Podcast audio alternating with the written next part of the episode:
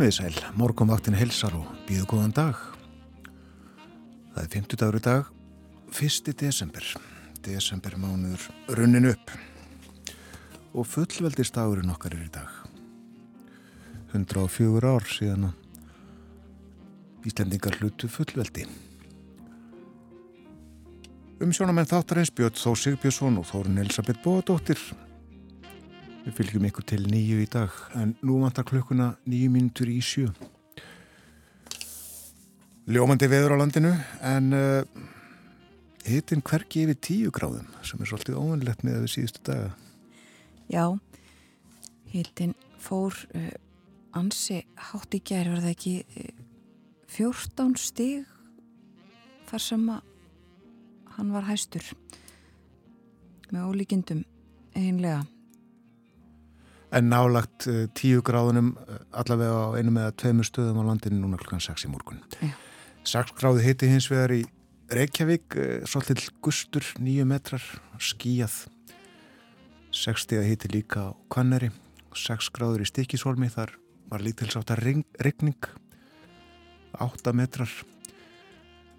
6 gráður á Patrísfyrði, 7 í Bólungavík, 60 heiti bæði á Hólmavík og Blönduósi, sjöstega hitti á Söðunisvita 6 gráður á Akureyri léttskíja þar. 5 stega hitti á Húsavík 6 steg á Rauvarhöfn og 9 stega hitti á Skjaldingstöðum hlýjast þar á landinu á þessum stöðum allavega sem við höfum á kortinu fyrir framann okkur. Sunnan 10 metrar fóri 22 metra í mestu kviðu. En nánast lokna á eigilstöðum léttskíja þar og 8 stega hitti 6 gráður bæði á höfni Hortnafyrði og á Kirkjubæðaklaustri við höfum ekki upplýsingar um hittastíð á Kvískerim 5 stíða hitti á Stórhauða í Vestmannegjum og 4 gráður í Árnesi. Einstíðs hitti bæði á Hverjavöllum og Káranhjúkum en hitti við frostmark á Sandbúðum og Sprengisandi og 15 metrar þar. Kvast og nokkuð kallt eða svalt á hálendinu En svo er það veðrið í dag, spáinn. Já, það verður sunnanátt í dag viða 10 til 18 metrar á sekundu með skúrum en hægara vindur og úrkomu lítið norð-austan til. Bjartviðri þar en þó stökuskúrir í kvöld. Hiti 3 til 8 stygg og á morgun verður áfram söðlega 8, 5 til 13 metrar á sekundu með skúrum á sunnan og vestanverðu landinu. Það dregur úr vindi og úrkomu síðdegis á morgun og þá kólnar líka. Hiti 0 til 5 stig annað kvöld. Og það verður svo öflug hæð yfir landinu um helgina. Það verða hægir vindar, bjart með köplum og þurftað mestu. Það kólnar hægt og hiti verður víða um frostmark seint á sunnudag segir í uh, hugleðingum veðurfræðings. Hiti breytist svo lítið á mánudag. Svo verður komið frost uh, um allt land á þriðjudag samkvæmsbáni og kólnandi viður á miðvíkudagi næstu ykkur.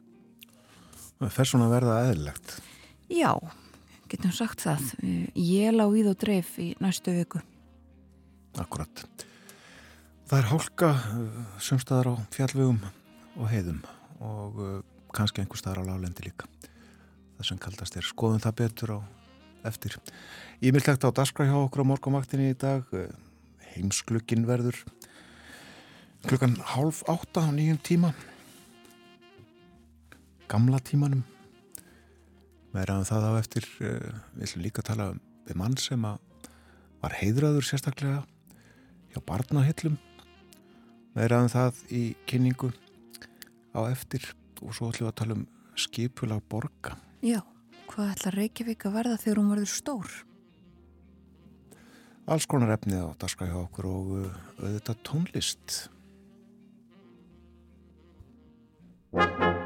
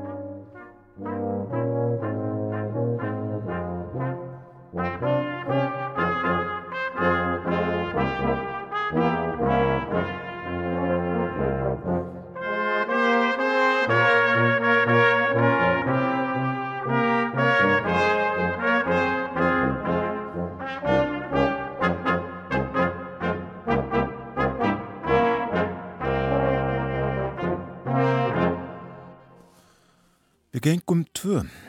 Lag eftir Fridrik Jónsson skóla hljómsveit Kópavóks flutti. Og hún kemur freka við sögu í þættinum á eftir. En framöndan eru frettir koma frá frettastofunni á slæginu sjö eftir tvær og halva mínútu. Fyrst auglisingar allt með hefnundum ætti hér á morgunvaktinni. Og á meðan þetta er í lottinu þá setjum við aðeins meira kaffi í bólanum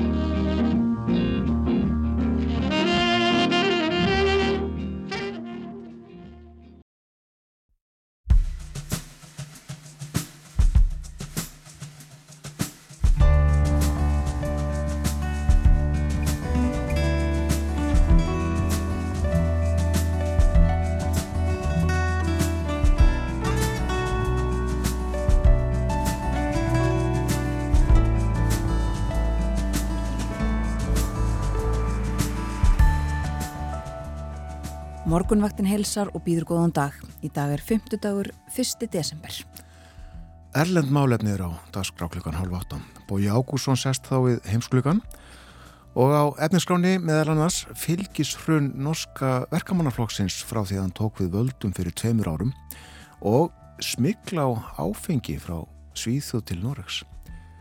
Og svo er það tíminn, hvernig við upplifum tíman. Sumum finnst hann líða ógnar hratt en öðrum finnst hann standa í stað. Hvað veldur? Bói verið með okkur klukkan halv átta, aðvíð nýjan tíma heimsklukans klukkan halv átta og nú er spurning hvort fólki finnist tíminn fram að boga að líða hratt eða hægt.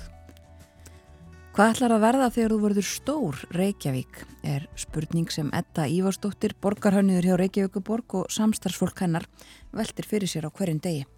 Þau eru að vinna að því að gera borgar hönnunar stefnu. Þetta segir okkur frá því hvað það er eftir morgunfréttinar klukkan 8. Viðurkenning barnaheitla var veitt á dögunum að þessu sinni hlautana Össur Gersson, skólastjóri skóla hljómsveitar Kópavóks. Í umsögn sagði Össur hefur óbilandi trú á ungu fólki og einstakt lag á að laða fram það besta í hverju og einu barni. Össur kemur til okkar klukkan hálf nýju, við ætlum að spjalla um börn og tónlist og þessa trú á unga fólkinu sem er svo mikilvæg en kannski oflítið fer fyrir. Umsjón með morgunvaktinni hafa Björn Þór Sigbjörnsson og Þórun Elisabeth Bóðadóttir.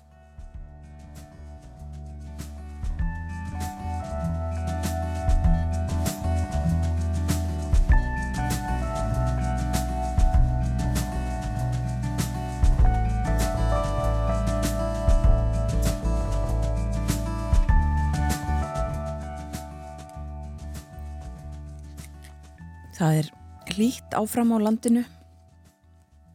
Tíu steg að hitti Reykjavík til dæmis í morgun. En viður horfurnar hljóma svona sunnan 10 til 18 metrar á sekundu og skúrir. Hægara vindur og bjartviðri þó norðaustan til en stöku skúrir í kvöld. Og hitin 3 til 8 steg í dag. Á morgun söðlega átt hægari vindur 5-13 metrar á sekundu með skúrum en létt skíjað áfram norðaustanlands. Það dregur úr vindi, stittir upp og kólnar setnipartin á morgun. Hitin 0-5 stig annað kvöld og eh, um helgina verður öflug hæði við landinu. Það verða hægir vindar, bjart með köplum og þurft að mestu og kólnar hægt. Hiti verður viða um frostmark sent á sunnudag og svipaður verður heitin á mánudag og frost á þriðudag og kólandi viður á miðugudag. Og það er hálka sömstaðar á landinu í samræmi við veður nætturinnar. Við fórum með þetta yfir hitastíð víða í bæjum og borg en uh, inn til landsins sömstaðar hálka og á fjallvegum heiðum, það er hálka á veginum norður í Árnesrepp, hálku blettir á Steingriðsfjörðarheiði, Þröskuldum og nokkrum öðrum leiðum á vestfjörðum og hálka er á Vaskarði og eitthvað er um hálku bletti á Norðurlandi og sömuleiðis á Norðausturlandi. Tiltekið að það er snjóþekja á Dettifossvegi og það er hálka fyrir austan til dæmis á Breitalseiði og hálku blettir eru á Öksi og Mjóafjörðarheiði og enni vara við hreindirum millir Hafnar og Djúpavós og kannski aðeins meira um veðrið uh, helgina og eftir hana. Já það verður sem sagt þessi öfluga hæð um helgina yfir landinu. Ágættis veður svo litið kallt uh, eins og eðlilegt er í byrjun desember. Og uh, á mánudag þá verður breytilega átt bjart með köplum nema skíjað norðan og austanlands. Og hitin breytislítið á þriðju dag verður komið frost um all land samkvæmt spáni. Breytilega átt skíða með köplum og dálítil jél á víð og dreif. Og eh, á miðvíkudag í næstu viku kólnandi veður en frekar norðlega átt skíða með köplum og uh, það er ekki ólíklegt að það verði farið að snjóa eitt hvað í næstu viku.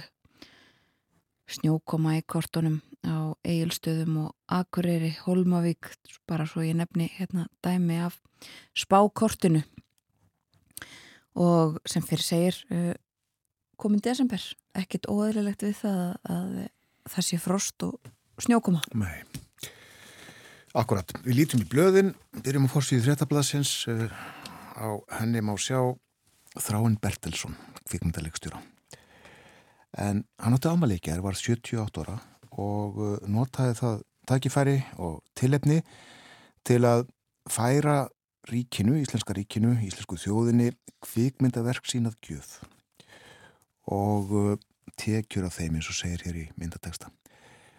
Lili Alfredstóttir, menningamálar á þeirra veitti gjöfinni viðtöku, uh, það fór fram lítil aðtöfn í Bíóparadís í gerð, nýtt líf Myndin frábæra eftir þráinn var sínt og uh, Lilja þakkaði fyrir sig, fyrir hönd þjóðarinnar færði þráni blómund lit skrúðugan og uh, blúsa ráþurans ekki síður lit skrúðug en þau eru hér kampakátt eins og við segjum stundum nú uh, svo er uh, sagt frá nýjum íslenskum rannsóknum sem að sína fram á að mataræði bassafandi kvenna hefur sín áhrif á hag fóstusins.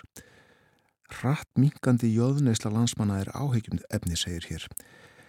Og það er vitnaði Ingi Björgu Gunnarsdóttur, professor í næringafræði við Háskóla Íslands og mér sínist þessi frétt vera unnin upp úr sjónvastætti á Ringbrut.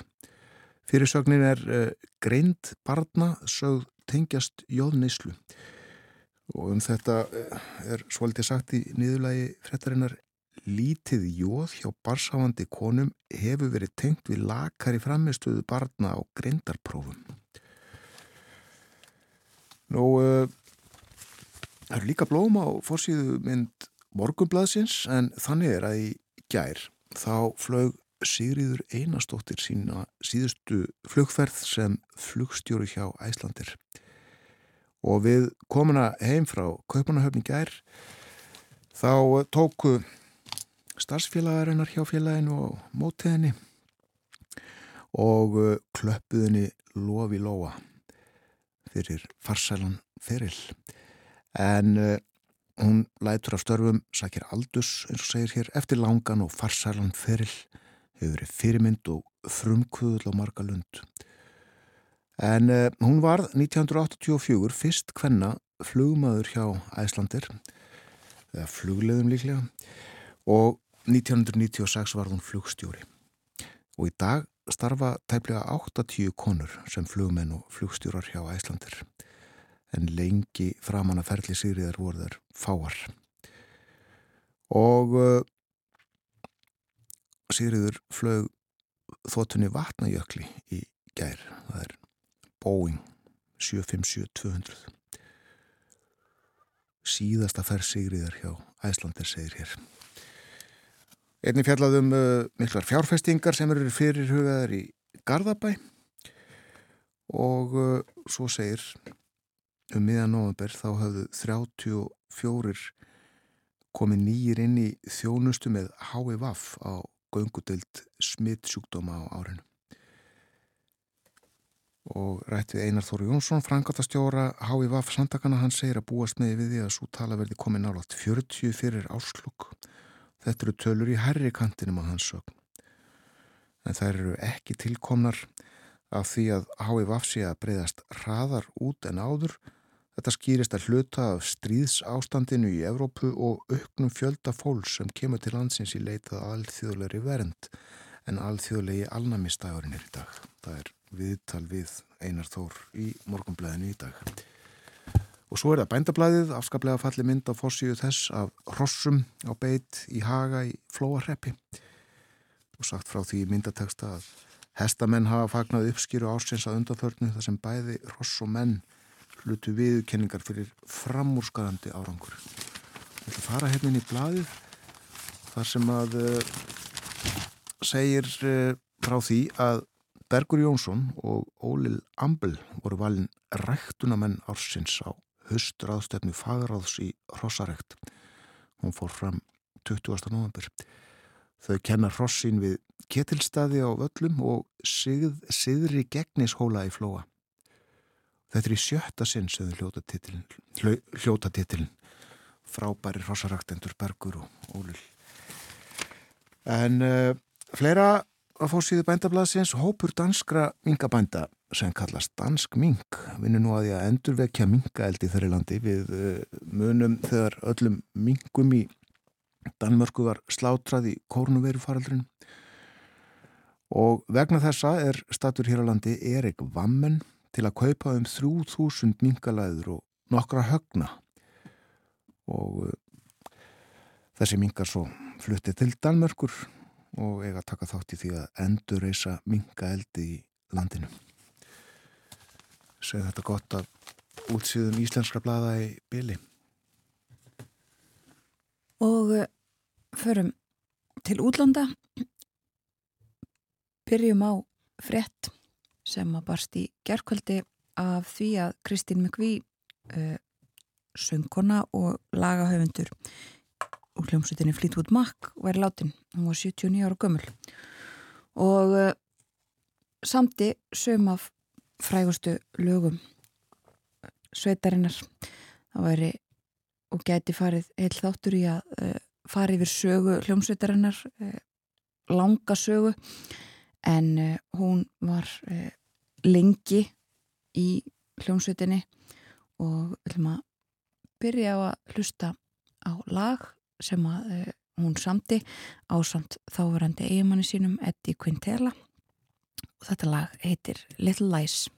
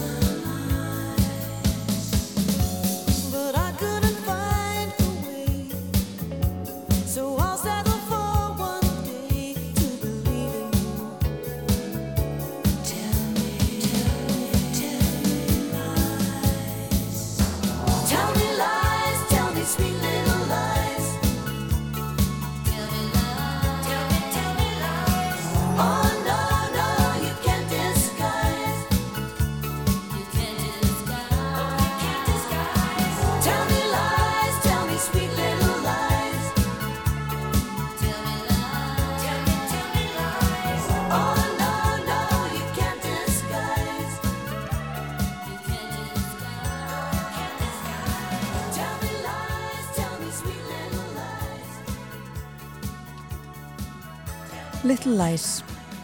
Fleetwood Mac og uh, Kristín Mjögvi á fórsýðum Blada Víða. Ekki síst uh, í Breitlandi myndir af henni Víða á fórsýðum Bresku Bladana og við skulum aðeins fara út í heim. Aðrar frettir uh, frá Breitlandi aðalfrettin mjög Víða er af konu sem vann þanga til í gær í, fyrir bresku konarsfjölskylduna en uh, hætti og baðast afsökunar eftir að hafa uh, gerst segum kynþáttaforduma. Það var einhvers konar veislahaldin uh, þar sem að ymsu fólki var bóðið og, og þessi kona Susan Hussey sem er guðmóðir Vilhjálms prins um, fór upp á konu og spurði hana hvaðan hún væri, konan sagðist vera frá einhverjum staði í Breitlandi og hún sagði nei hvaðan ertu í alvörunni? Mm. frá hvaða hluta Afríku kemur þú? Og uh, held þannig áfram. Uh, með hálgerða yfirherslu var sagt og uh, hún baðst afsökunar og hætti störfum fyrir, fyrir konusfjölskylduna í gær. og þetta hefur vakið mikla aðtekli og nexlan í Breitlandi. So where are you really from? Já, akkurat um, og uh, því líka slegið upp að Vilhelmur Prins hafi fordæmt guðmóður sína í þessu máli. Uh, þau sögðu öll uh, konungsjölskyldana að það væri ekkert pláss fyrir svona lagað innan hallarinnar. Þetta er eitt stóra málið og, og önnur stór frétt frá Breitlandi eh, er um verkvöld við fjöldum um það gæra að alltaf 100.000 e, sjúkraflutningamenn og aðri starfsmenn í, í, í sjúkrabílum ætluðu í verkvöld e, það bætist við hjúgrunafræðinga og aðra starfstéttir innan breska heilbriðiskerfisins og nú er sagt frá því á forsýðun á Daily Telegraph að það verði mögulega einhvers konar verkvöld á hverjum degi fram að jólum í Breitlandi og það verði alls konar uh, áhrif af þessu, þetta séu þetta innan helbriðiskerfsins en svo er þetta líka uh, fólk sem vinnur í lestakerfinu, uh, líka Eurostar sem að fer á milli Breitlands og, og meginlands Evrópu, hjógrunafræðingar, kennarar, öryggisverðir um, og ímislegt, ímsir fleiri líka fólk sem að skoðar vegabref og vinnur í landamæra eftirliti. Þetta er allt saman talið hérna upp og mögulegt að svona verði þetta fram á jólum og erfitt að eiga við eh, og það eru líka frettir af verkvöldum í bandaríkjunum við sögum líka frá því í gær og nú hefur fulltróðdelt þingsins samþygt frumvarp sem á að koma í vekk fyrir eh, verkvöld í bandaríska lestakerfinu sem að hefðu valdið miklu uppnámi um og fyrir jólin. Bara lögban á verkvöld? Já, eh, verðist vera og það nefna líka hérna að því við rættum líka um dönskmálefni í gerð þegar Borgþór Artgrímsson var hérna með okkur.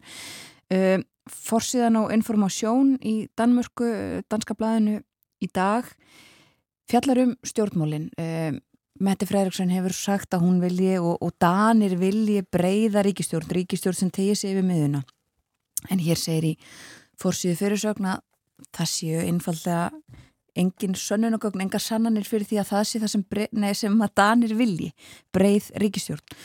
Um, það hefur verið skoðað í júni, þá hefur 40% sagt að þeir vildu ríkistjórn sem að tegði sig við miðuna.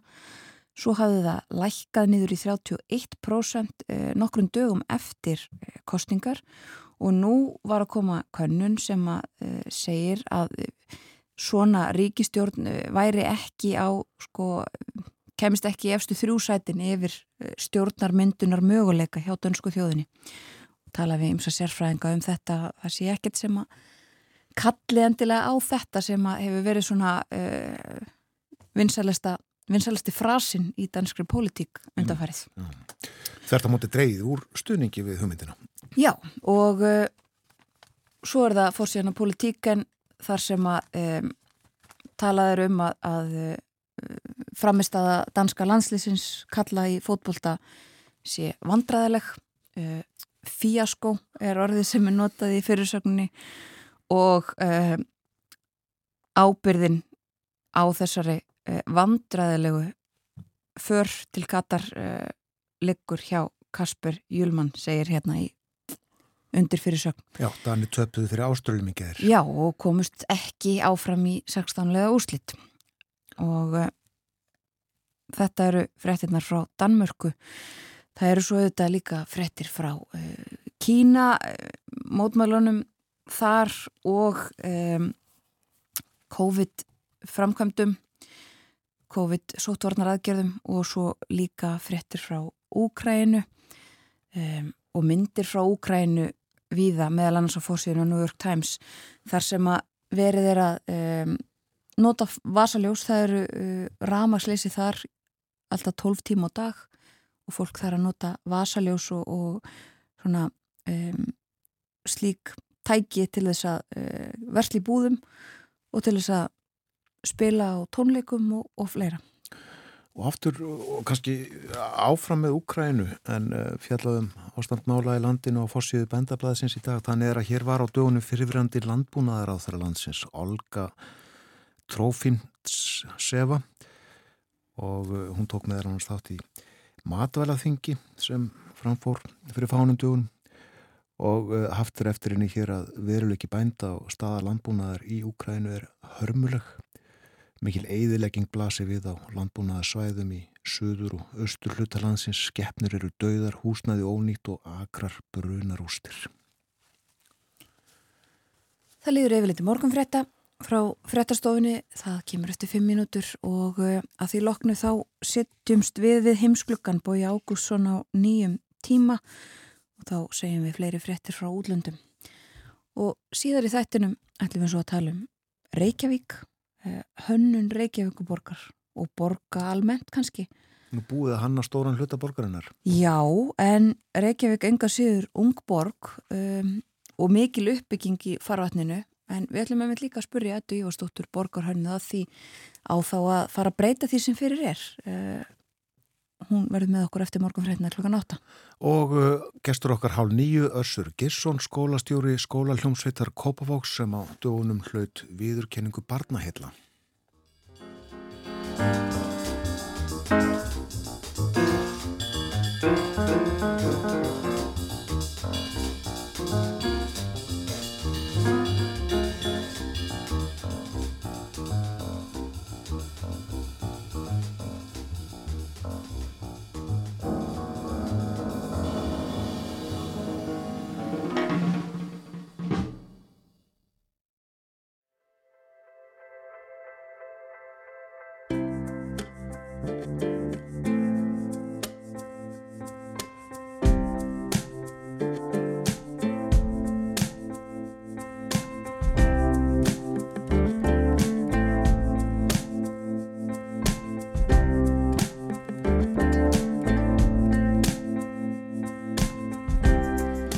Aftur áframheldu sigling morgunvaktarinnar inn í daginn. Það er 50 dagur í dag, 1. desember, fullveldis dagurinn. Klukka núna réttliðilega hálf átta. Og uh, það er útlitt fyrir ljómandi fallet veður á norðaustur hlutalandsins, verður uh, bjart þar. Hítinn uh, 4-5 gráður, eitthvað svo leiðis kannski 6-7. En uh, maður búast við úrkomu á söðvestur hlutanum og annar staði verður skíjað og uh, vindur kannski 10-18 metrar á sekundu eitthvað svo leiðis. Á morgun lögadag uh, suðlega átt 5-13 með skúrum uh, áframlétt skíða norðaustalands en það dreifur úr vindi, stittir upp og kólnar setnipartin og hitti á morgun frá frostmarki að 5 stígum.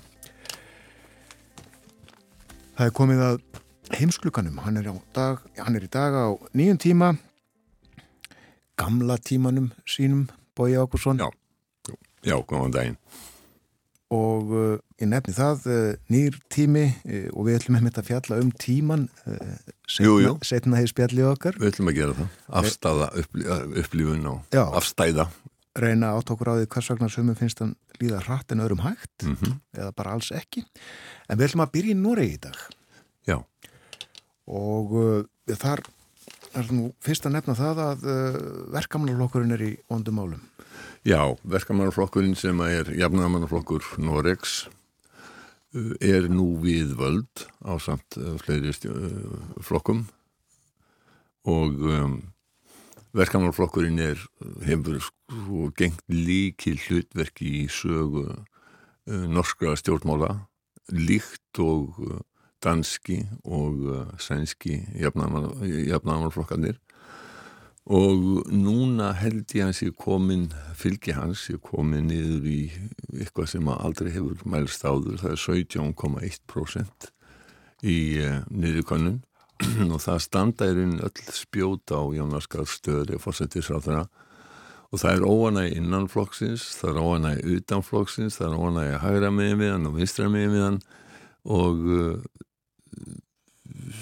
flokkurinn og stjórnin voru kannski að reyna að hýfa fylgi aðeins upp með uh, fjárlega frumvarfi sem er til umræðu það sem eru ymsir svona getum við sagt frumlegi hlutir þeir eru alltaf til dæmis að leggja brottflutningsskatt á ríka normen sem að færa lögheimilið til útlanda Já. Og uh, ein, það er eina af þessum tilugum önnur af tilugunum sem að hefur nú vakið líka nokkra aðtikla á Íslandi er að þeir alltaf skattleggja lagseldið mun uh, harðar heldur en að gert hefur verið til þessa. Uh, sko, norski verkamannarflokkurinn fekk 26,3% í kostningunum sem að voru hvað fyrir þreymur árum. Og þannig að normin kjósa á næsta ári. Um, í Noregur er ómennlegur að þýliturinn til það er ekki hægt að rjúfa þing og efna til nýra kostninga þegar að búið að kjósa þing þá sýtu það í fjögur ár og engar revjar oh. og uh, hinum í landamærina í Svíþjóð Eh, er í rauninni ekkit ósvipa sístem þar eru kostningar á fjórar á fresti en það er hægt að rjúa þingu efna til auka kostninga en það er einhvað síður eftir kostninga uh, fjórum árum eftir að uh, síðustu þingkostningar voru Já.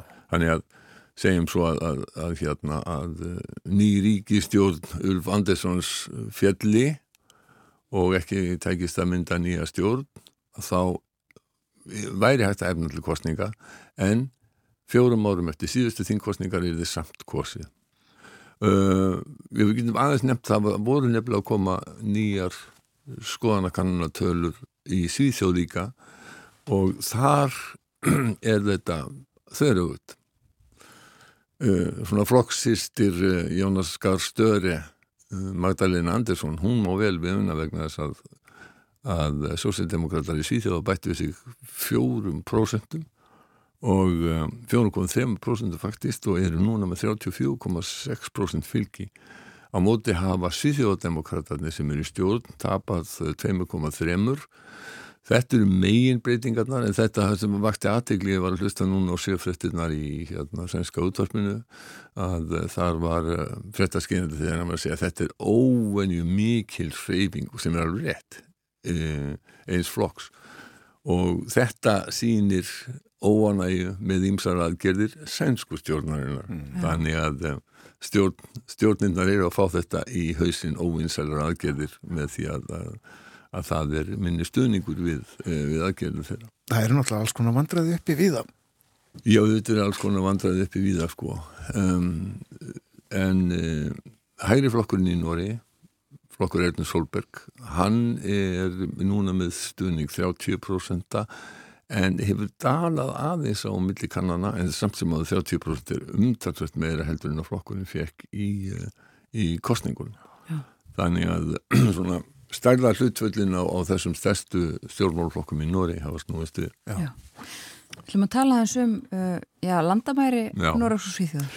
Það var mjög skemmtileg frétt í sænska sjónarpunni fyrir nokkur dögum. Það voru að fjalla um vandræði norskra tóllara. Um, og vandræðin eru vegna þess að um, það, er, það hefur alltaf verið það er mikið smikl og ekki sísta áfengi frá Svíþjóð til, eh, til Noregs uh, því að áfengið er dýrar í Noregin í Svíþjóð. Og mikið landamæra vestlun sem hefur verið.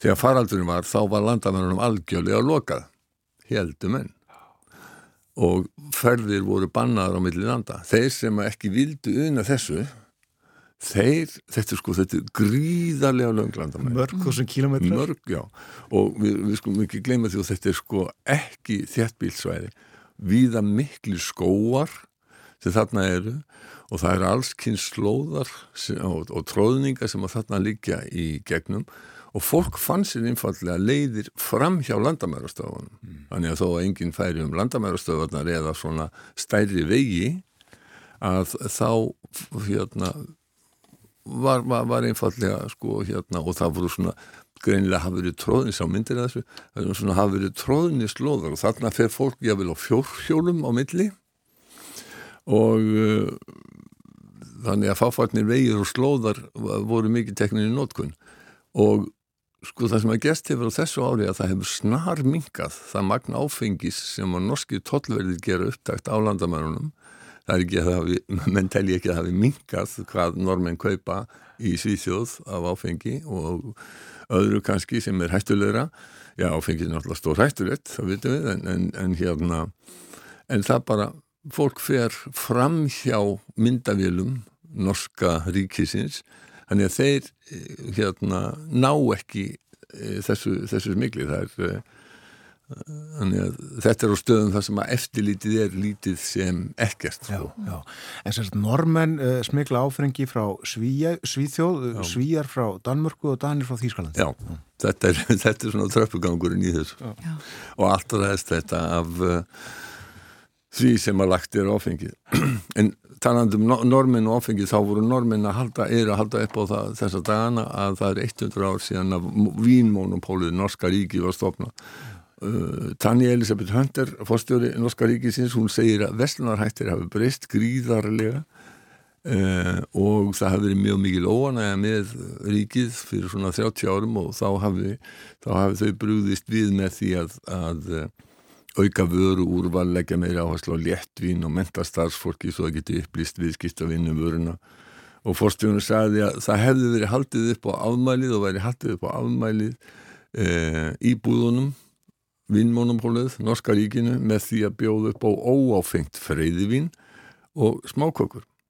Öfugt við íslensku vinnbúðunar og þá bjóða þær norsku upp á óáfengt vín. Já, akkur er allir þessi ekki óáfengt í bóði í vinnbúðunum hér? Um, ég skilst að það sé vegna þess að vinnbúðunar hér vil ég ekki standa í samkeppni við engamarkaðin. Ég sá einhverja frettir um þetta þegar að óafengt vín var, var, var tekið af sölu já, já. En, en það er sérst, mikið úrval óafengra vína í, í Norska ríkinu já.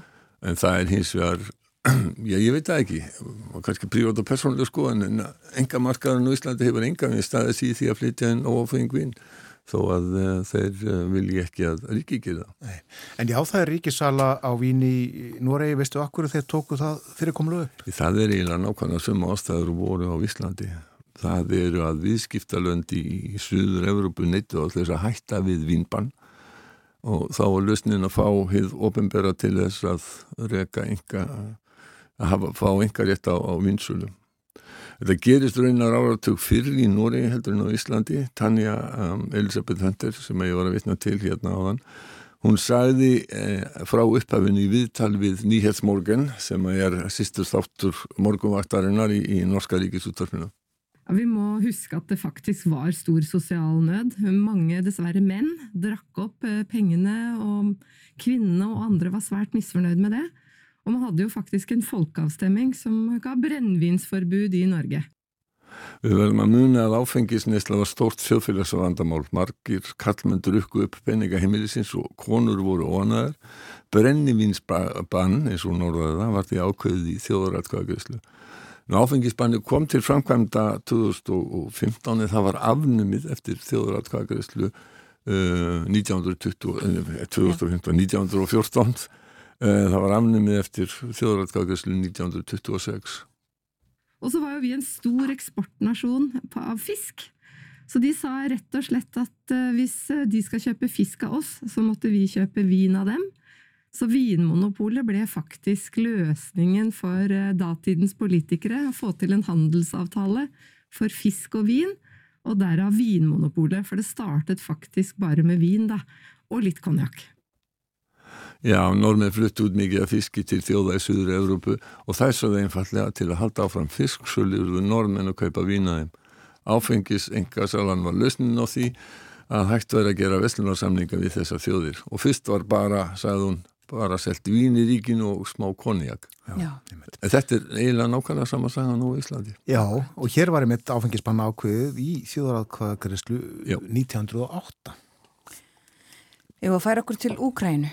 Já, það er, eh, það hefur kannski ekki farið mjög hátt, það er alls konar frettir af Úkrænu og mest af skotárásum og sprengjaárásum rúsa á innviði Úkrænu sem að hafa leitt til þess að stór hluti landsins er rammarslös og, og engan hitin í, í vatn sem er náttúrulega hreitt stríðskleipur, þetta er, þetta er bara stríðsrekstur gegn óbryttum eða almennum borgurum. Um, en uh, það hefur farið minna fyrir fréttum að því að það er búið að vera að berjast mjög hart um borgina Bakhmut í austur Úkræðinu í, Dombaðskjörðinu og þarna segja menn sko að þetta líkist að sumuliti skotgrafa hernaði fyrir heimstyrjaldarinnar og rússar hafa herst sóknina með herliði sem hafa flutt frá Kersson þegar yfir gáðu þar. Og þarna eru líka málalíðar í svo kallum eh, Vagnarhópi Já Svíjar fylgjast mjög vel með styrðin í Úkræninu, þetta er næstan ágræni og, og Jóakim Passikívi ofust í svenska hörnum, hann sæði í viðtali við eh, svenska ríkisjónvarpi að barndagandi þarna væru gríðarlega harðir. Rússar eh, hefðu sendt fjölda Hermann á bakkmútvíkstöðunar, margir þeirra væru illa útbúnir og margir lít sjálfaðir. Úkrænumenn hefðu staðist þessar árásir þó þeir þurft að hörfa sumstaðar í eh, fyrirfram undirbúnar výlinu og varnalínu det är hårda strider där ryssarna kastar in stora mängder eh, soldater eh, som, som förefaller vara ganska illa utrustade och, och, och många fall illa utbildade. Och de ukrainska ställningarna håller men är satta under hård press. I vissa ställen så har man från Ukrains sida varit tvungen att backa och dra sig om.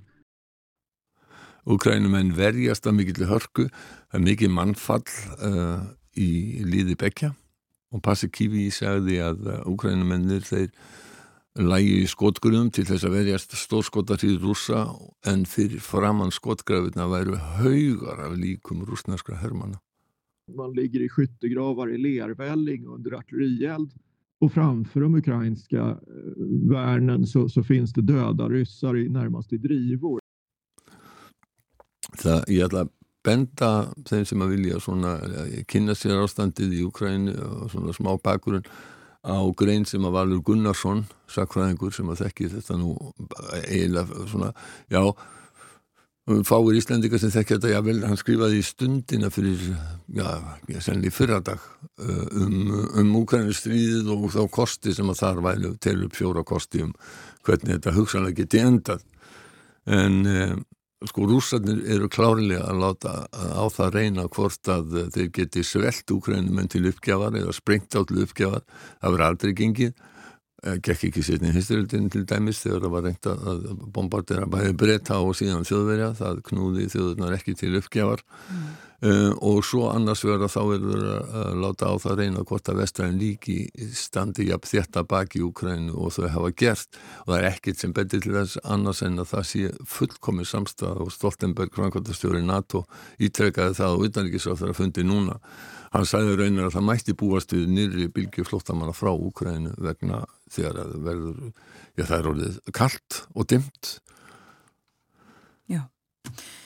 Ef að færa okkur til Breitlands verið þar nokkrum mínútum. Já, Brexit hefur eiginlega verið tabu í politísku umræði Breitlandi undanfæri minniseri þó það hafi skotið upp kollinum núna undan farnar vikur, allar síðustu vikur í tengslu við efnahagsaðgerðirnar sem eru harðar og stjórnin hefur bóðað að raðhaldi í ríkisfjármólum og skattahækkanir Margir hafa bent á að þessar aðgerðir hefðu tæpast verið nöðsynlegar ef breytar hefðu verið áfram í Európusambandinu. Brexit eitt og sér kostar þá fjögur, fjögur prosent af samtrátt í þjóðaframlýslu.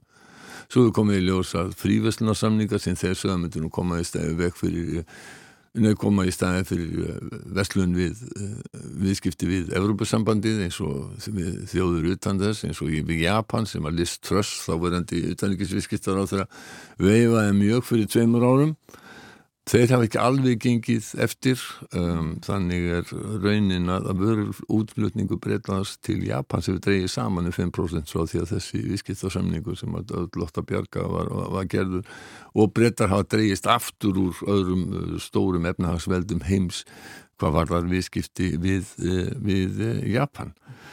Um, sko það er samdráttur uh, í Breitlandi en það er daldið annað á Íslandi þar sem að spáð var í gær 7,3% hagvexti á þriði ásfjórðungi þessa árs samkvæmt bráðabyrðatölum hagstofunar sem að voru byrtar í gær Um, og þetta er talsveit meira heldur en í öðrum sambörulöndum ég held hins vegar að Íslandika þurfi að búa sig undir það, ég verði að spyrja áskilbrinjar á þessu að það verði meiri samdráttur á næsta ári.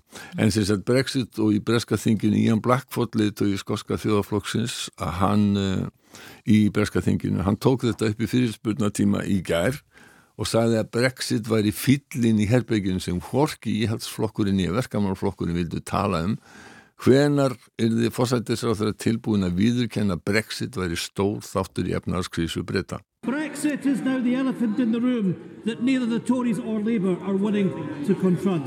When will the Prime Minister finally see reality and admit that Brexit is a significant long-term cause of the UK economic crisis? Ritsi Sunak svaraði og hvaðst stoltur af því að hafa stutt Brexit. Mr. Speaker, straightforwardly, I was proud to support Brexit. It was the right thing for this country. It, allow, it, allow, it allows us to, first of all, get control of our borders, which is incredibly important, and reduce migration. Þarna köpnuðu svör Súnaks raunar í hlátri þingmanna þegar hann sagði að Brexit hefði gert breytum klift að ráða einn landamærum og aðflutningi fólks en eins og allir vita þá, þá, þá, þá er það ekki, ekki raunin.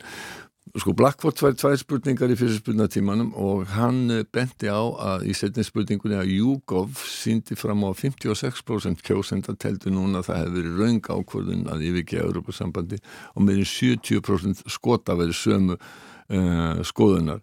Og svo spurðan ætlar fórsættisráður að loksa tilkynna skotum að þeir megi kjósa um sjálfstæði í líðræðslegum kostningum til að losna við yfiráðu vestministerveldisins svo sjálfstætt Skotland geti afturgengið í Evrópusambandið.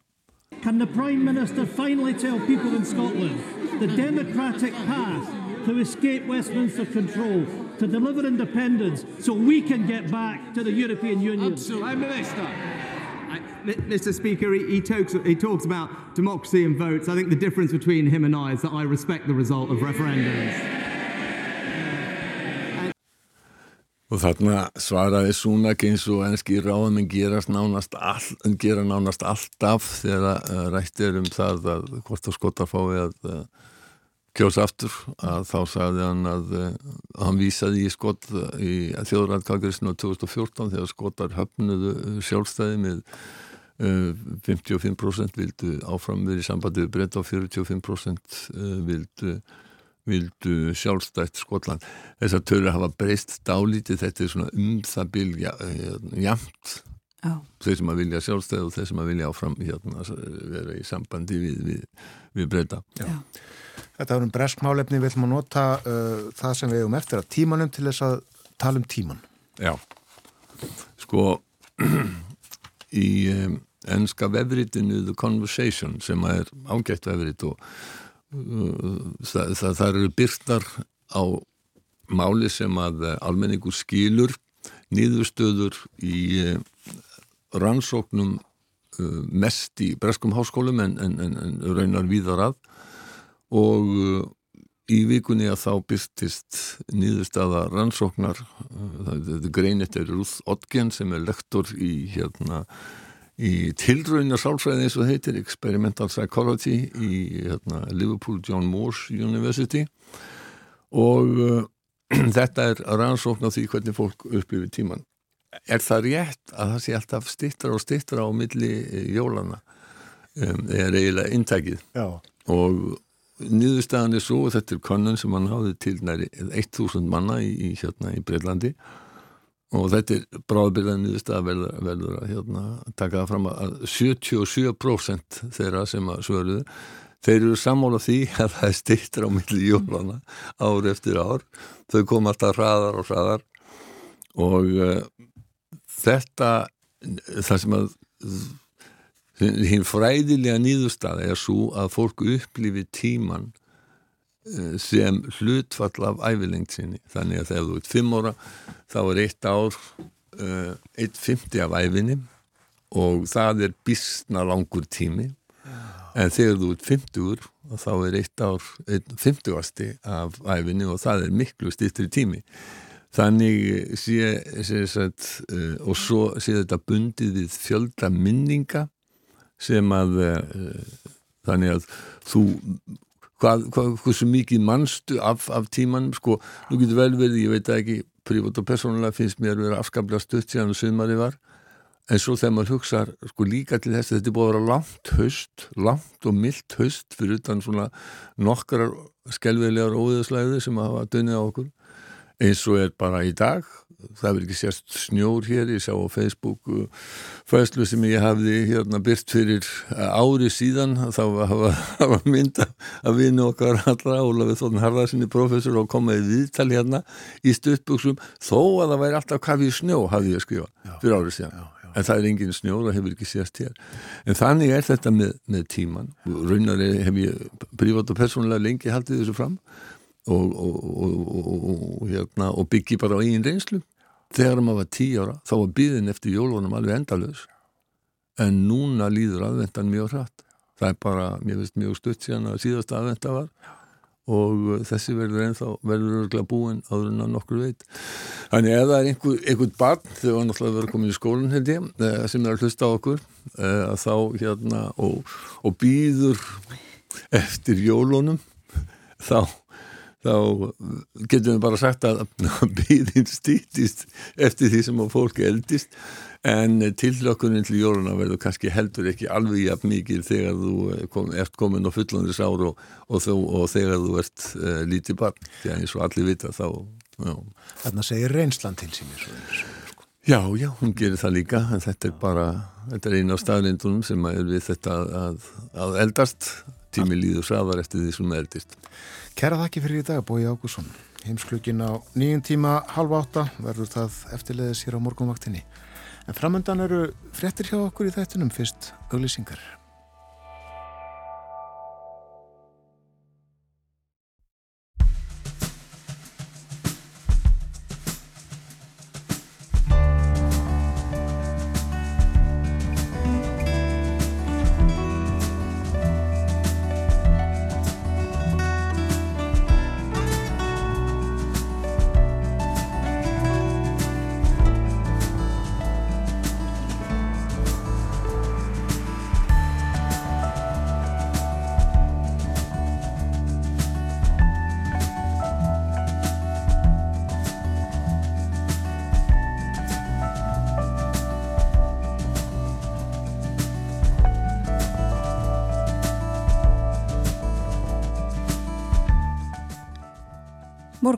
Ásett heldur áfram klukkan 6 minútur gengin í nýju. Það er 50 dagur í dag, 1. desember, fullveldisdagur. Bói Ágússon var hjá okkur hér fyrir frettinnar á nýjum tíma, klukkan halv átta og verður á þeim tíma hér eftir. Þetta er gamli tímin, hann var áður á þessum tíma. Við fórum yfir ímislegt meðal annars tíman, afstæði tímans og það hvernig við upplifum hann en líka um eh, stöðumála í Úkrænu, eh, töluðum hans um bresk stjórnmál og uh, norsk málefni, uh, bæði stjórnmálin og smikl á milli Danmörk, nei Svíþjóðar og, og Noregs smikl á áfengi meðal annars. Og minnum á það að hér á eftir upp úr klokkan halv nýju verður hjá okkur Össur Girsson. Hann er skólastjóri skólahljómsveitar Kópavox og eh, hann hlaut viðurkenningu barnaheilla í ár fyrir störf sín og eh, meðal annars vegna óbyrlandi trúarsunar á ungu fólki. Hann sest hérna niður hjá okkur klokkan halv nýju. En nú ætlum við að koma hingað til Reykjavíkur. Reykjavík á að verða græn lífsgæðaborg, það er stefna stjórnvalda í borginni og til þess er verða að vinna borgarhönnunar stefnu og í þeirri vinnu er Edda Ívarstóttir borgarhönnuður og hún er komin hingað á morgavaktina. Velkomin. Takk fyrir. Hvað er borgarhönnunar stefna? Já, þetta er mjög stór spurning og við erum reyni í miðri vinnunni þannig við erum að reyna átt okkur á því sjálf hvað þetta er og hvað þetta gæti orðið Um, en það sem við sjáum strax er að, hérna, og það sem við viljum að þetta sé, um, er að þetta verður svolítið leiðavísi til framtíðar um hvernig við náum fram þessum gæðum í borginni, uh, hvernig við náum að draga fram söguna og draga fram uh, framtíðina og hérna gera það á sannfærandi hátt og þannig að borgarbúum líði sem best. Gæði borgarinnar, hvernig, uh, hvernig eru þau dregin fram? Í raun og veru það er að hugsa þetta á svo morgan hátt um, en þetta hlýtur alltaf að vera snúst en það að fólki líði vel í umhverfi sínu. Uh, við erum að reyna að skapa uh, þessi 20 minna hverfi 15 minna hverfi þar sem fólk getur sótt sína þjónustu innan hverfi sinns uh, sem eru vissi lífsgæði að þú getur synt öllum þínum þörfum innan þíns hverfis. Og til að það hefnist þá verður umhverfið líka að vera áhugavert. Við erum að reyna að draga fólk út úr bílunum fá það til að ganga meira og þá skiptir rosalega miklu máli hvernig við mótum umhverfið þannig að fólk reynilega vilji ganga. Það þarf að vera hérna, skemmtilegt og fjölbreytt umhverfið. Já. Uh, og hverju þarf þá að huga til dæmis þar? Hva, hvað er skemmtilegt að, hvað, hvað finnst fólki er skemmtilegt að sjá og, og horfa á þegar sko, það gengur um?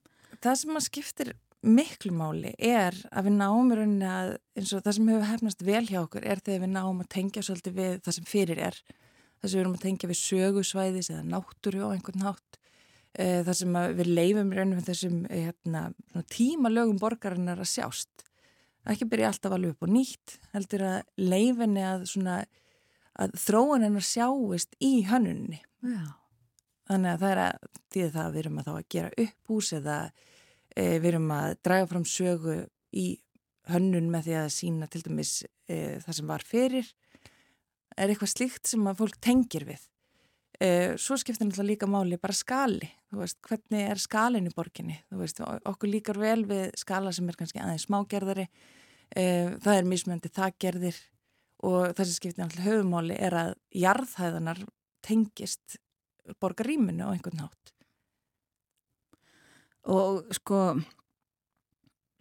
er það raunheft að þær gerir það allstaðar til dæmis, jarðhæðir? Já, ég held að sé alveg raunhæft og það er alveg hægt að gera það. Mm. Það sem hefur verið talað svolítið um í skipulagi er lifandi jarðhæðir.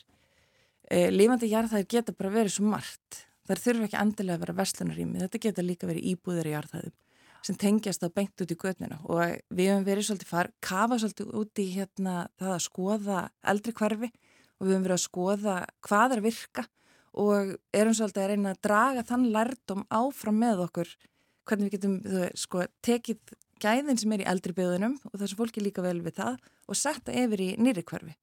Því við þurfum ekki að finna upp hjólið. Veist, það sem er gott á, í gamlu hverfinum getum við alveg sett á mótenhátt inn í nýju hverfin.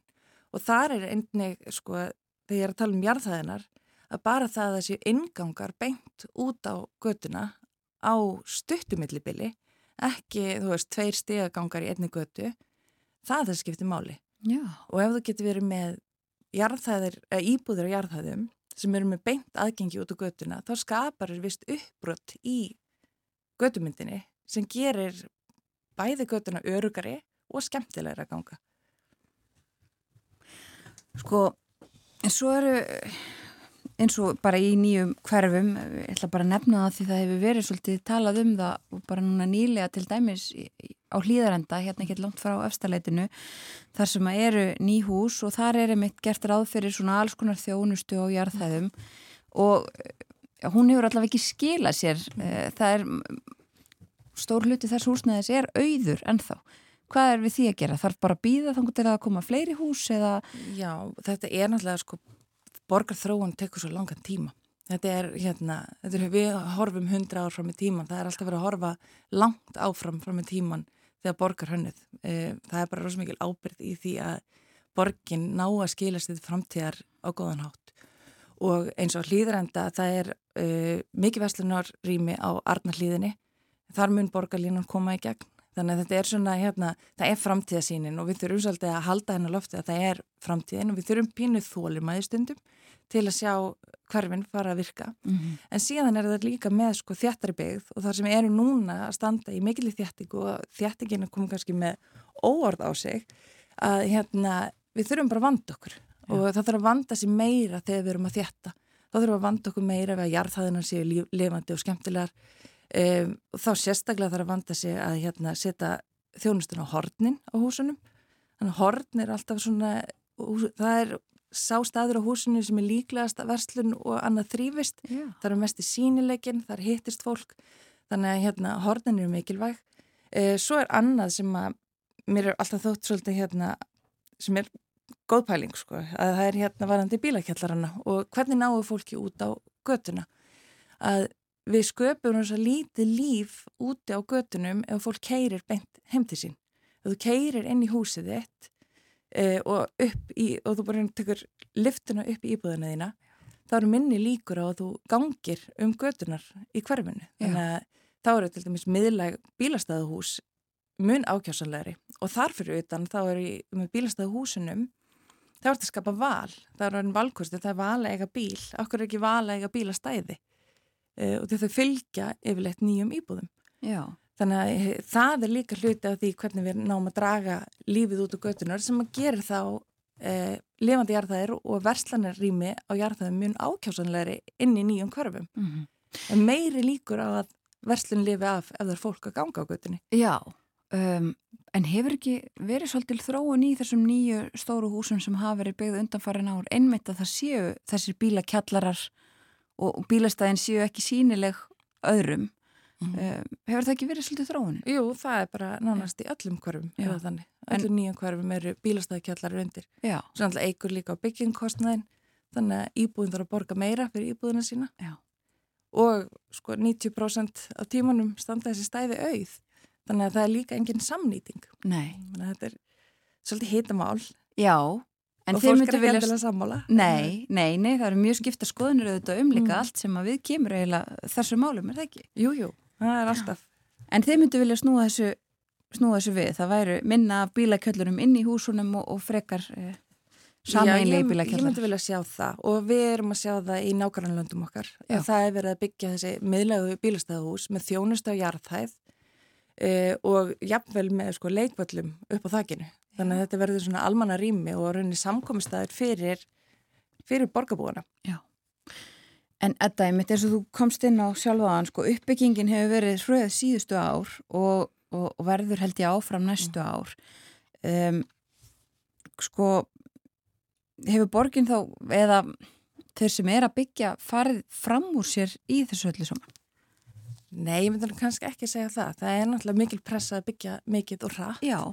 Eh, en við þurfum nú kannski samt að sko átt okkur á því sem yfirvaldið og borgin að hérna ábyrðin okkar er líka mikil og hérna við þurfum að leggja svolítið skýra reglur um hvað við viljum sjá í hverfunum. Mm -hmm.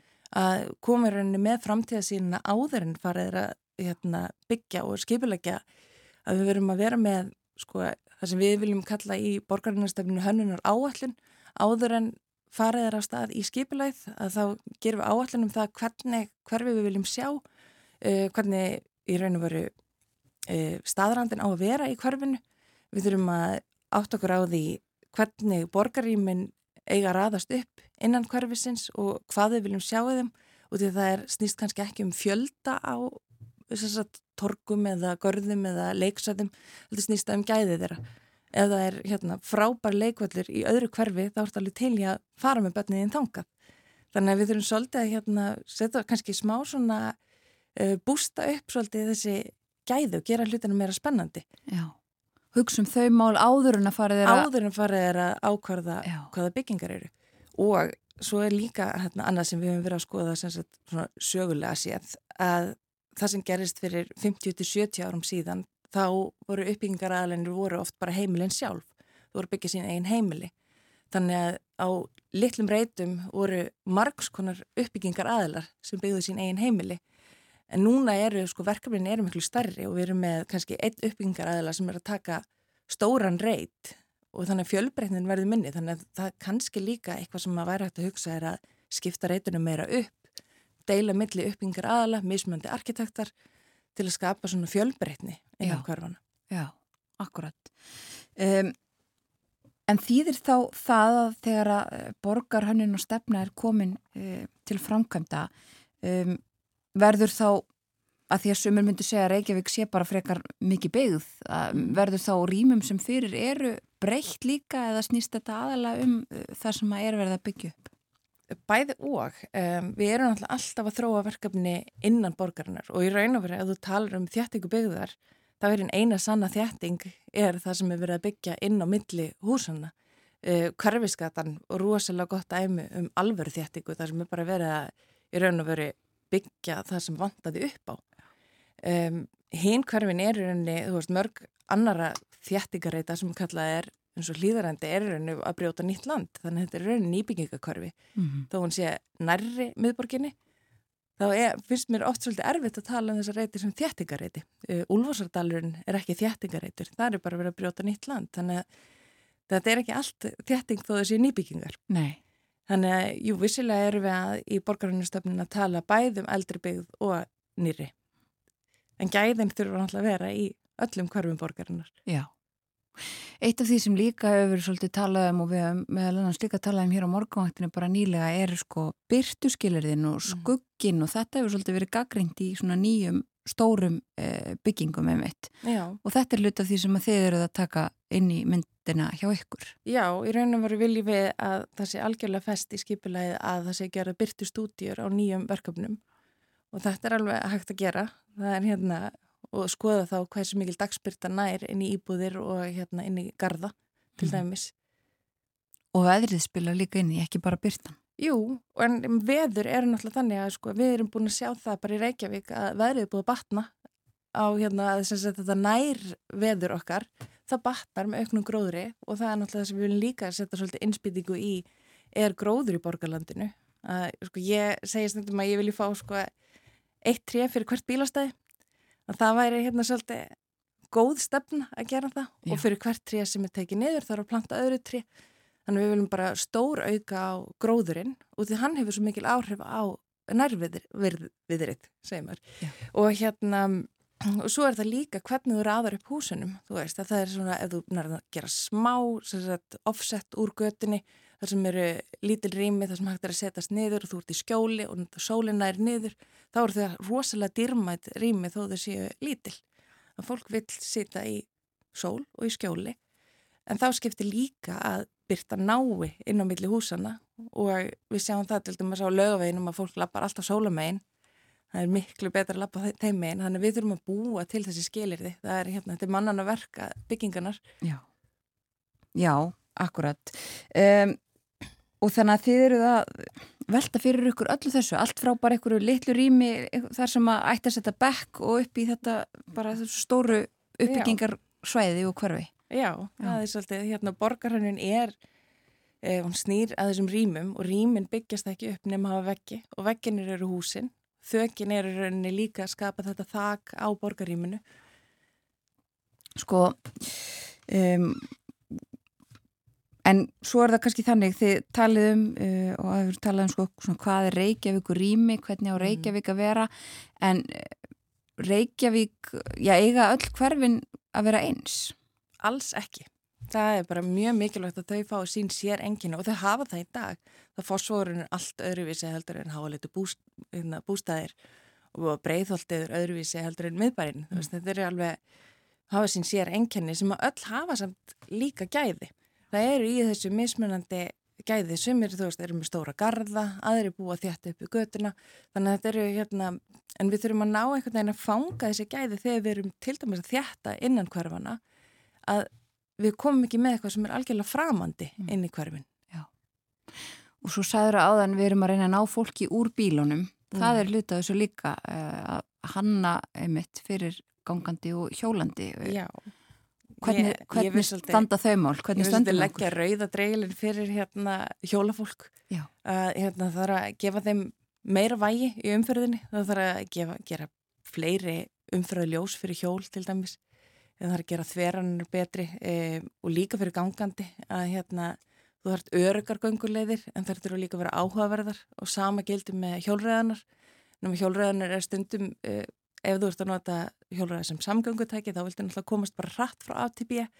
Um, en svo er hjólræði náttúrulega líka hérna, tómstundartæki og þá viltu fá fallegu hérna, góðu útvistastígana sem eru líka mikilvægir í öllum hverfum uh, bæði fyrir gangandi og hjólandi. Mm. Um, Þið eru bara eins og sagður okkur í byrjun í þessari vinnu allri miðri. Um, er einhverjar borgir í löndunum í kringum okkur sem að því svona lítið meira til en annara, er einhverju sem að svona, er, gætu orðið okkur fyrirmyndir? Algjörlega, það eru allar nákvæmna þjóður okkar á Norðurlöndunum er að gera og hafa verið síðustu ár að gera arkitektúrstefnur sem er svona álíka. Um, og við erum að horfa bæðið Kaupmannhafnar og Stokkólmur er með alveg frábæra stefnu uh, þannig að þetta er allt svona nákvæmna þjóði sem við getum svona borðið okkur svolítið saman við mm. sem við erum að líta til Já um, og uh, þið eruð að gera þetta fyrir uh, borgina mm -hmm. um, og þið eruð nokkur sem eruð í þessu er það ekki rétt hjá mér núna? Jú, það eru fjögur í hópnum Já. en svo munum við fá til okkar utan að koma til aðgjafa til aðstofa við vinnuna. Já. En núna erum við að leggja línar og hérna sapna saman efninu okkar, hvað við viljum segja og hérna draga það saman. Já. Og hvað með borgarbúa? Verða þeir spurður eitthvað álits? Já, Ég gerir ráð fyrir því að við hérna förum að fáum einhverju ríni frá borgarbúum. Já, á því hvernig þetta verður alltaf. Algjörlega. Já, og uh, vitið eitthvað hvenar uh, við munum sjá nýja borgarhönnun og stefnu? Sko fyrirluta næsta árs. Já.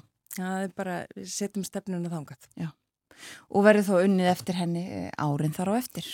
Og eins og þú sagði ráðan, þið eruð að horfa til langstíma í Algjörlega, en við þurfum líka að finna sko, hvernig við komum inn í ferlan okkar. Við erum náttúrulega með bæði aðalskipilag og svo erum við að gera deiliskipilag og hérna við þurfum að sjá hvar við komum borgarhænarstefnunni inn mm -hmm. og hvar hún tökur gildi. En ég sé svolítið fyrir mér að hún sé svolítið litla barnið frá hérna, eða barn aðalskipilagsins.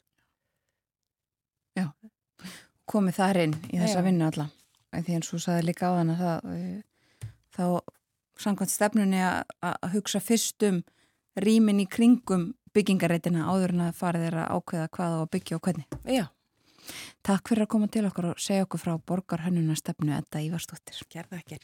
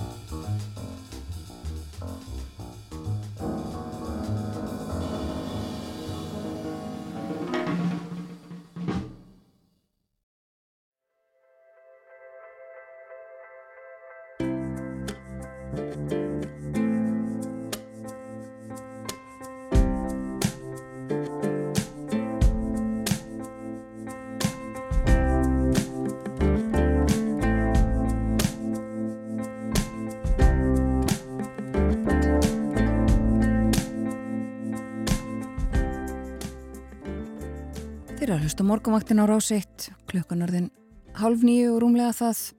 Það er fyrsti desember í dag, síðastil huti morgunvaktarinnar framöndan.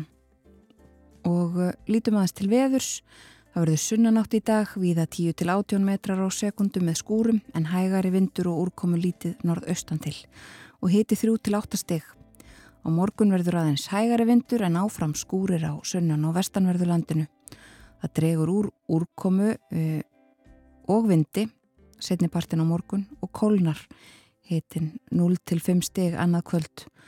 Og svo verður öflug hæð yfir landinu um helgina hægir vindar, bjart með köplum og þurftað mestu. Fínasta veður sem sagt. Og það kólnar hægt hiti verður víða um frostmark seint á sunnudag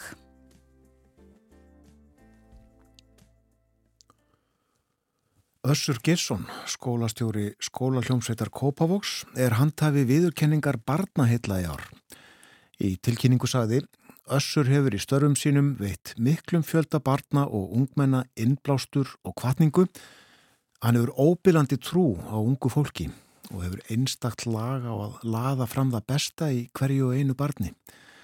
Hann leggur áherslu á samvinnu á meðal nefnda í störfum sínum og kallar fram jákvæðan aga metnað og samkend. Velkomin á morgunvaktina þessur. Takk, takk, takk fyrir og takk fyrir að bjóða mér hingað. Þetta er aldrei fallið umsögnuð þig.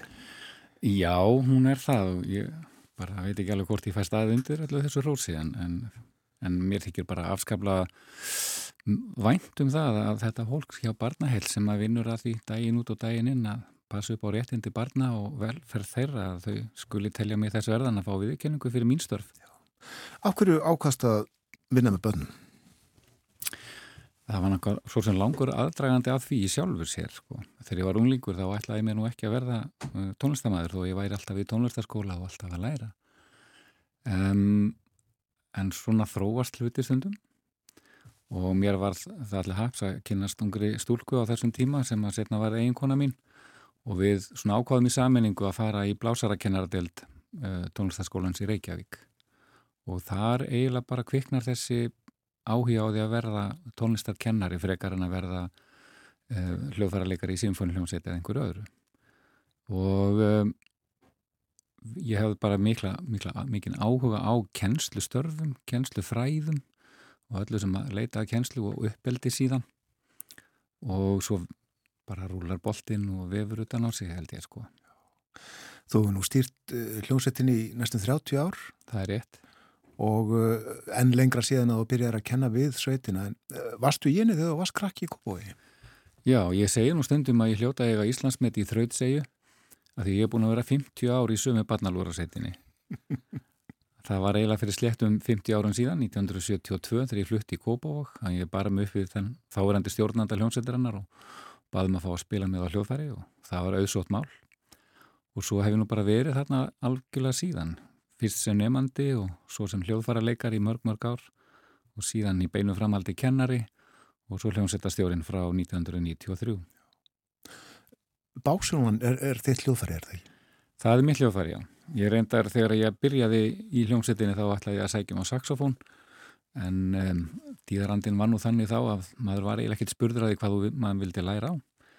Hann Björn Guðjónsson rétti mig bara tenorhorn og sagði hérna, þú spilar á þetta væni minn og maður hérna þrætti ekkert fyrir það. Nei. Ég vissi reyndar ekkert hvaða hljóðfæri þetta var, það hafði aldrei séð það áður. En svo einhverjum tveimur árum síðar þá bauðist mér að skipta yfir á básunu sem að mér fannst spennandi og þáði það og það hefur verið mitt hljóðfæri síðan. Já, og ykkur hefur samið ágætlega ykkur básuninni? Bara mjög vel, mjög vel og hérna, það er náttúrulega oft þannig að þegar maður er tí ára þá sér maður einhver hljóðfæri í hyllingum, það er kannski ekki endilega hljóðfæri sem að hendar manni best eða mann langar síðan mest til að spila á, sko. Og er það þannig ennþá í, í dag þú segir krökkum á hvaða hljóðfærið þið að spila? Nei, tíðrandin hefur nú svo litið breyst að núna er áherslan á það að reyna að, að draga út úr, út úr börnunum þar sem að þeim hendar og þau vilja. Þannig að þau sækja um ákveðin hljóðfæri og við reynum eins og við getum að koma þeim inn á það hljóðfæri. Hins vegar ef við eigum löst pláss á hljóðfæri sem enginn hefur sótt um á þá bjóðu við einhverjum öðrum að, að fara þangað. En starfið í hnóðskur fælst svolítið í því einmitt að draga fram það besta úr hverjum og einum á þeirra eigin forsendum að reyna að koma þeim til eins mikils tónlistathróska og þau eru fær um frekar en að vera með einhverju einstefnu frá stjórnandanum um hvernig hlutinir eigi að vera. Og þarna komum við aftur á umsókninni, þú myndi að vist hafa einstaklega lag á að laða fram það besta í hverju einu barni. Já, ég veit ekki hvort að ég á að hérna úttala mig mikið um það hvernig það fer fram en það er nú kannski samt sko stefnan okkar uh, og stefnan mín í þessu tónlistar kennslu starfi og sérstaklega með svona lúðrarsveit eins og við stöndum fyrir að ég líti á hljómsveitina sem litla útgáfu af fyrirmyndar samfélagi skulum við segja. Af því að í hljómsveit, svona barnalúðrarsveit þá erum við með mjög fjölbreyta flóru af hljóðfærum til dæmis. Við erum með lítil hljóðfæri og stór hljóðfæri og við erum með hljóð, hljóðfæri sem gera háa og bjartatóna eða djúpa og dimmatóna. Þau eru alls konar á lítin, þau geta verið búin til úr silfri eða verið silfruð eða gilt eða svört, búin til úr plasti, þau geta verið rauð og græn, það geta verið alls konar flóra á hljóðfærum. Á sama hátt eru við líka með alls konar börn alls konar einstaklinga sem að geta verið um, stelpur, stálp, strákar, stór, lítil, feit, mjó, rauðhærð, ljósærð, alls konar að upplægi, þannig að við erum mjög mis, hvað sé ég, fjölbreytan hóp af fólki, fjölbreytan hóp af hljóðfærum og síðan er kunstinn að fá allt þetta til að virka saman.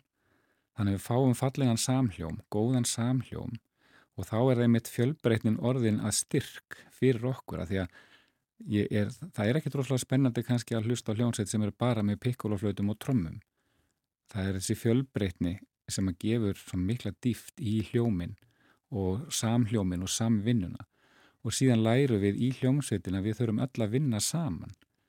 Um, það er allir mikilvægir í hljómsveitinni, það er engin á varamannabeknum, það er engin settu til hliðara því að hann kann ekki nóg mikið eða eitthvað svoleiðis, heldur eru við alltaf að reyna að fá fram samvinnu hug, hugmyndina og þannig verður hljómsveitin sterkust þegar allir koma með sitt framlag inn í hljómsveitina og leggja sér fram eins og þau mjögulega geta. Þannig að þið eruð ekki bara að uh, kenna krökkunum tónlist, þið eruð að kenna þeim uh, já, lífið í gegnum tónlistina og samstarfið í hljómsveitinni? Kennaðum lífið, ég veit ekki hvort við kennum það lífið en við hjálpum um að auðga sitt eigi líf með tónlistinni og þá bæði með tónlistathekkingunni að geta spilað á hljóðfari getur verið svo magnað þetta er bara sálfræði aðstóðstundum að geta spilað á hljóðfari geta tekið í hljóðfari þegar þið líður illa eða, eða hvernig sem þú ert sko, eða alltaf þjá þína gleði og og við erum líka þá í leiðin að ebla þeirra sköpunargáfi að því að við leggjum svo mikla áherslu á það að þau séu að búa til sína eigin tónlist og við erum alltaf að spurja þau líka bara þegar þau eru að spila tónlist eftir aðra hvað finnst þér? Hvernig finnst þér að þetta er að vera? Finnst þér að þetta er vera svona eða hins einn? Þannig að þau eru alltaf kvött til þess að vinna hlutina svolítið sjálf. Þannig að vissulega eru við að, að kenna um svo sem á lífið í leiðinni eh, og þessa fallegu hugssjón að með því að vinna saman að sama markmiði að þá uh, gengur þetta allt saman betur upp það, og finna líka, þau finna líka til sín og þau vita það að ef við lítum á þetta eins og púsluspil þar sem allir eru með eitt púsl og leggja í hérna púslið eða vantar eitt stykki og þú horfir á fullgerða mynd með púsluspili þar sem vantar bara einn bita í það er örgulega að sá bita í mig sem þú tekur eftir að vantar, það er það sem þú tekur eftir en ef allir setja bútin sinn á sinn stað þá er heildarmyndin perfekt. Segðu okkur svolítið frá starfinu og kannski fyrst, eru margi krakkar í sveitinni? Um, við erum með 175 kennsluplás í hljómsveitinni. Um, það er yfirleitt samt fleiri en það í hljómsveitinni að því að eldri nefnendur þau þráast við að hætta. Þau eiga að hætta hjá okkur eftir tíundabekk en ég held að ég sé með 25-30 núna mentaskóla krakka sem bara vilja halda áfram að spila og eru mér finnst alveg dásamlegt að þau skuli vilja það og þau náttúrulega líka draga vagnin fyrir yngri nefnendur og eru þeim rosalega góð fyrirmynd þannig að við erum með svona um 200 börn og unglinga og ungt fólk skulum við segja mm. í starfin okkar á hverjum tíma um, það mætti alveg vera fleiri með að við það að ára 1972 þegar ég er að byrja þá vorum 100 nefnendur í hljómsveitinni og um 10.000 manns í bænum Nú er held ég 35.000 manns í bænum þannig að miða við það þá ætti kannski fjöldin að vera um 350 barn. En það er íminslega sem kemur í veg fyrir að við höfum náða að fjölga nefnundu nógu mikið en það stendur vonandi til bóta. Mm. Bærinu þetta, já, eh, það er ekki bara fjölga íbúum heldur en hefur stækkað mjög mikið og tekt sér í ymsar áttir. Já, og það náttúrulega setur okkar starfi bílinlilla skorður að þau nefnendur, þeir nefnendur sem eiga heima lengst frá þurfa náttúrulega að sækja þetta svolítið langan veg og þau vilja svolítið heldast úr lestinni vegna þess að það er þetta eru mikil ferðalög fyrir þau og það er ekki alltaf einn uh, pappa að mamma til þess að skuttla manni á allar æfingar. Nei, og það er auðvitað mikil, já, samkettni, uh, kannski ekki, ekki nota það orð endilega, það er mikil frambóð af alls konar, uh, alls konar yðju fyrir krakka umfram hérna skólaskilduna, Alveg. íþróttir og, og fleira, já, já. en alltaf mikil áhuga á að koma staði skólinhjástina. Já, Það er alltaf mikil áhugi og umsóknir sem við fáum á hverju voru eru alltaf miklu fleiri heldur en við getum tekið inn og því miður þurfum við alltaf að neyta einhverjum börnum um plásja á okkur og, og ennþá því miður þá held ég að einhverju tónlistarsnillingar reynlega hafi bara mista af tækifærinu, mista lestinni til að komast í tónlistana. Mér finnst það svolítið skrítið að í svona fyrirmynda þjóðfélagi eins og Ísland á að geta verið að að það þurfa að vera einhver haptrættisvinningur að koma barninni sinni í tónlistanám.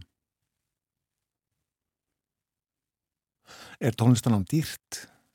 Það er mjög mistýrt. Okkar nám er mikið niðugreitt af Kópavóksbæ þannig að það er kannski ódýrara heldur en eh, að fara í tónlistaskóla Kópavóks eða tónlistaskólan Reykjavík eða aðra tónlistaskóla sem eru svona stærri skólar.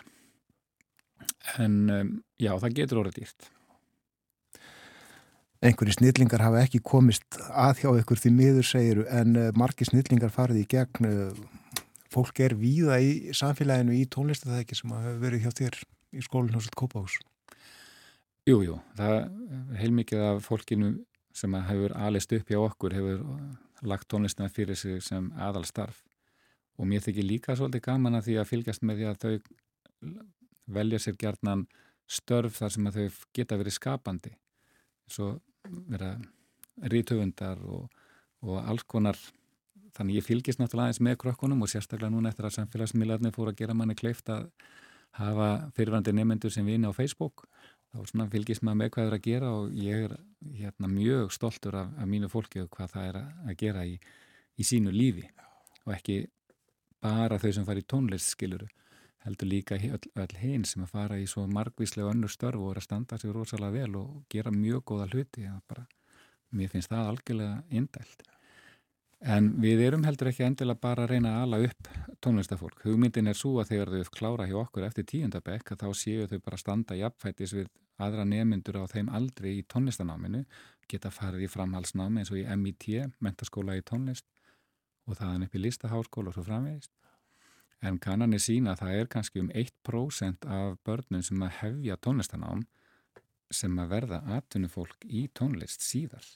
Þannig að við erum líka að hugsa um hinn 99% sem að vilja bara spila sér til ánægu og halda ánfram í fullanislúrasettina til dæmi, svona áhuga manna hljómsettir eða, eða gera eitthvað allt, allt annað, skilur þau. Þannig að þau njóti þess að hafa lært hennar sjálfsaga sem þú þarfst að hafa til þess að vera í tónlistanámi.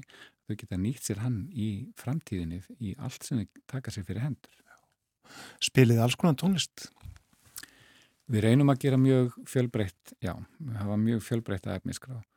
Um, hvort sem það er gammalt jazzlag eða nýtt poplag eða umritun af klassískum tónverkum og frumsamin verk. Hef, ég hef gerðan útsett verk sem að krakkarinn hafa sami sjálf og láti, fengi hljómsýtina til þess að, að spila. Og svona talandum það að þá fekk ég gamla nefnda hljómsýtina til að koma í forfallakynslu núna í haust. Og hún er útskrifuð úr sem tónskáld frá Listaháskólanum. Og við reyðum það upp að þegar hún var líklega nýjaða tí ára þá fekk hún velun í tónsmíðasamkefni hjá skólalhansettinni þar sem að pródómari var Tryggvi M. Baldvinsson sem er núna aðal maðurinn í listaháskólanum þannig að þessi langi vegur hafi byrjað þar að vera kvött til þess að semja tónlist samt þetta fallega lag það var síðan útsett fyrir hljómsveitina og flutt á tónleikum og, og svo gaman að fá hana aftur til okkar og vera orðið bara flott tónskáld og bú, búin að feta þessa leið. Já, eina af þessum eina prósenti sem að leggur þetta fyrir sig. Já. Við hlustuðum hér fyrir morgun á við gengum tvö og ætlum að eftir að hlusta á, á uh, annars konar tónlist uh, með skólinhjónstinni hlustum núna hins vegar á östut brot. Uh, þetta er svona til þess að gefa til kynna fjölbreytina í þessu allir saman hjá okkur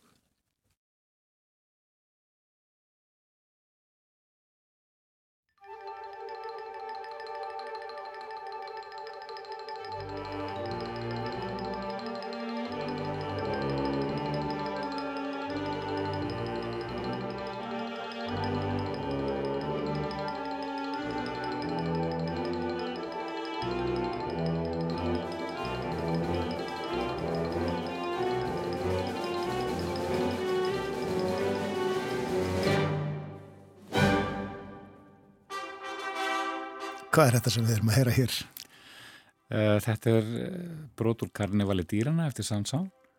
Þetta er upptaka sem var gerð þegar við heldum upp á 40 ára afmæli ljónsættirinnar og verkið er náttúrulega miklu miklu lengra en þetta en, en þetta er svona döluleg byrjun á, á tónverki og alltaf mjög gaman að, að láta krakkan að spila svona tónlist og það sem er svo oft magnað við þetta þú ert með eitthvað verk í vinslu um, og þú finnur það á fyrstu æfingu að, að krakkarnir horfa á því svolítið skringilegum augum og finnst þetta einhvern veginn mjög fyrðulegt tónverk sem að hljómsveitastjórun er núna að bera fram fyrir þau og svona, já, mjög hissa. En svo eftir því sem við vinnum þetta lengra ánfram og komist betur inn í músíkinu og fyrir að skilja þetta betur að þá takaðu ástfóstri við þessa tónlist.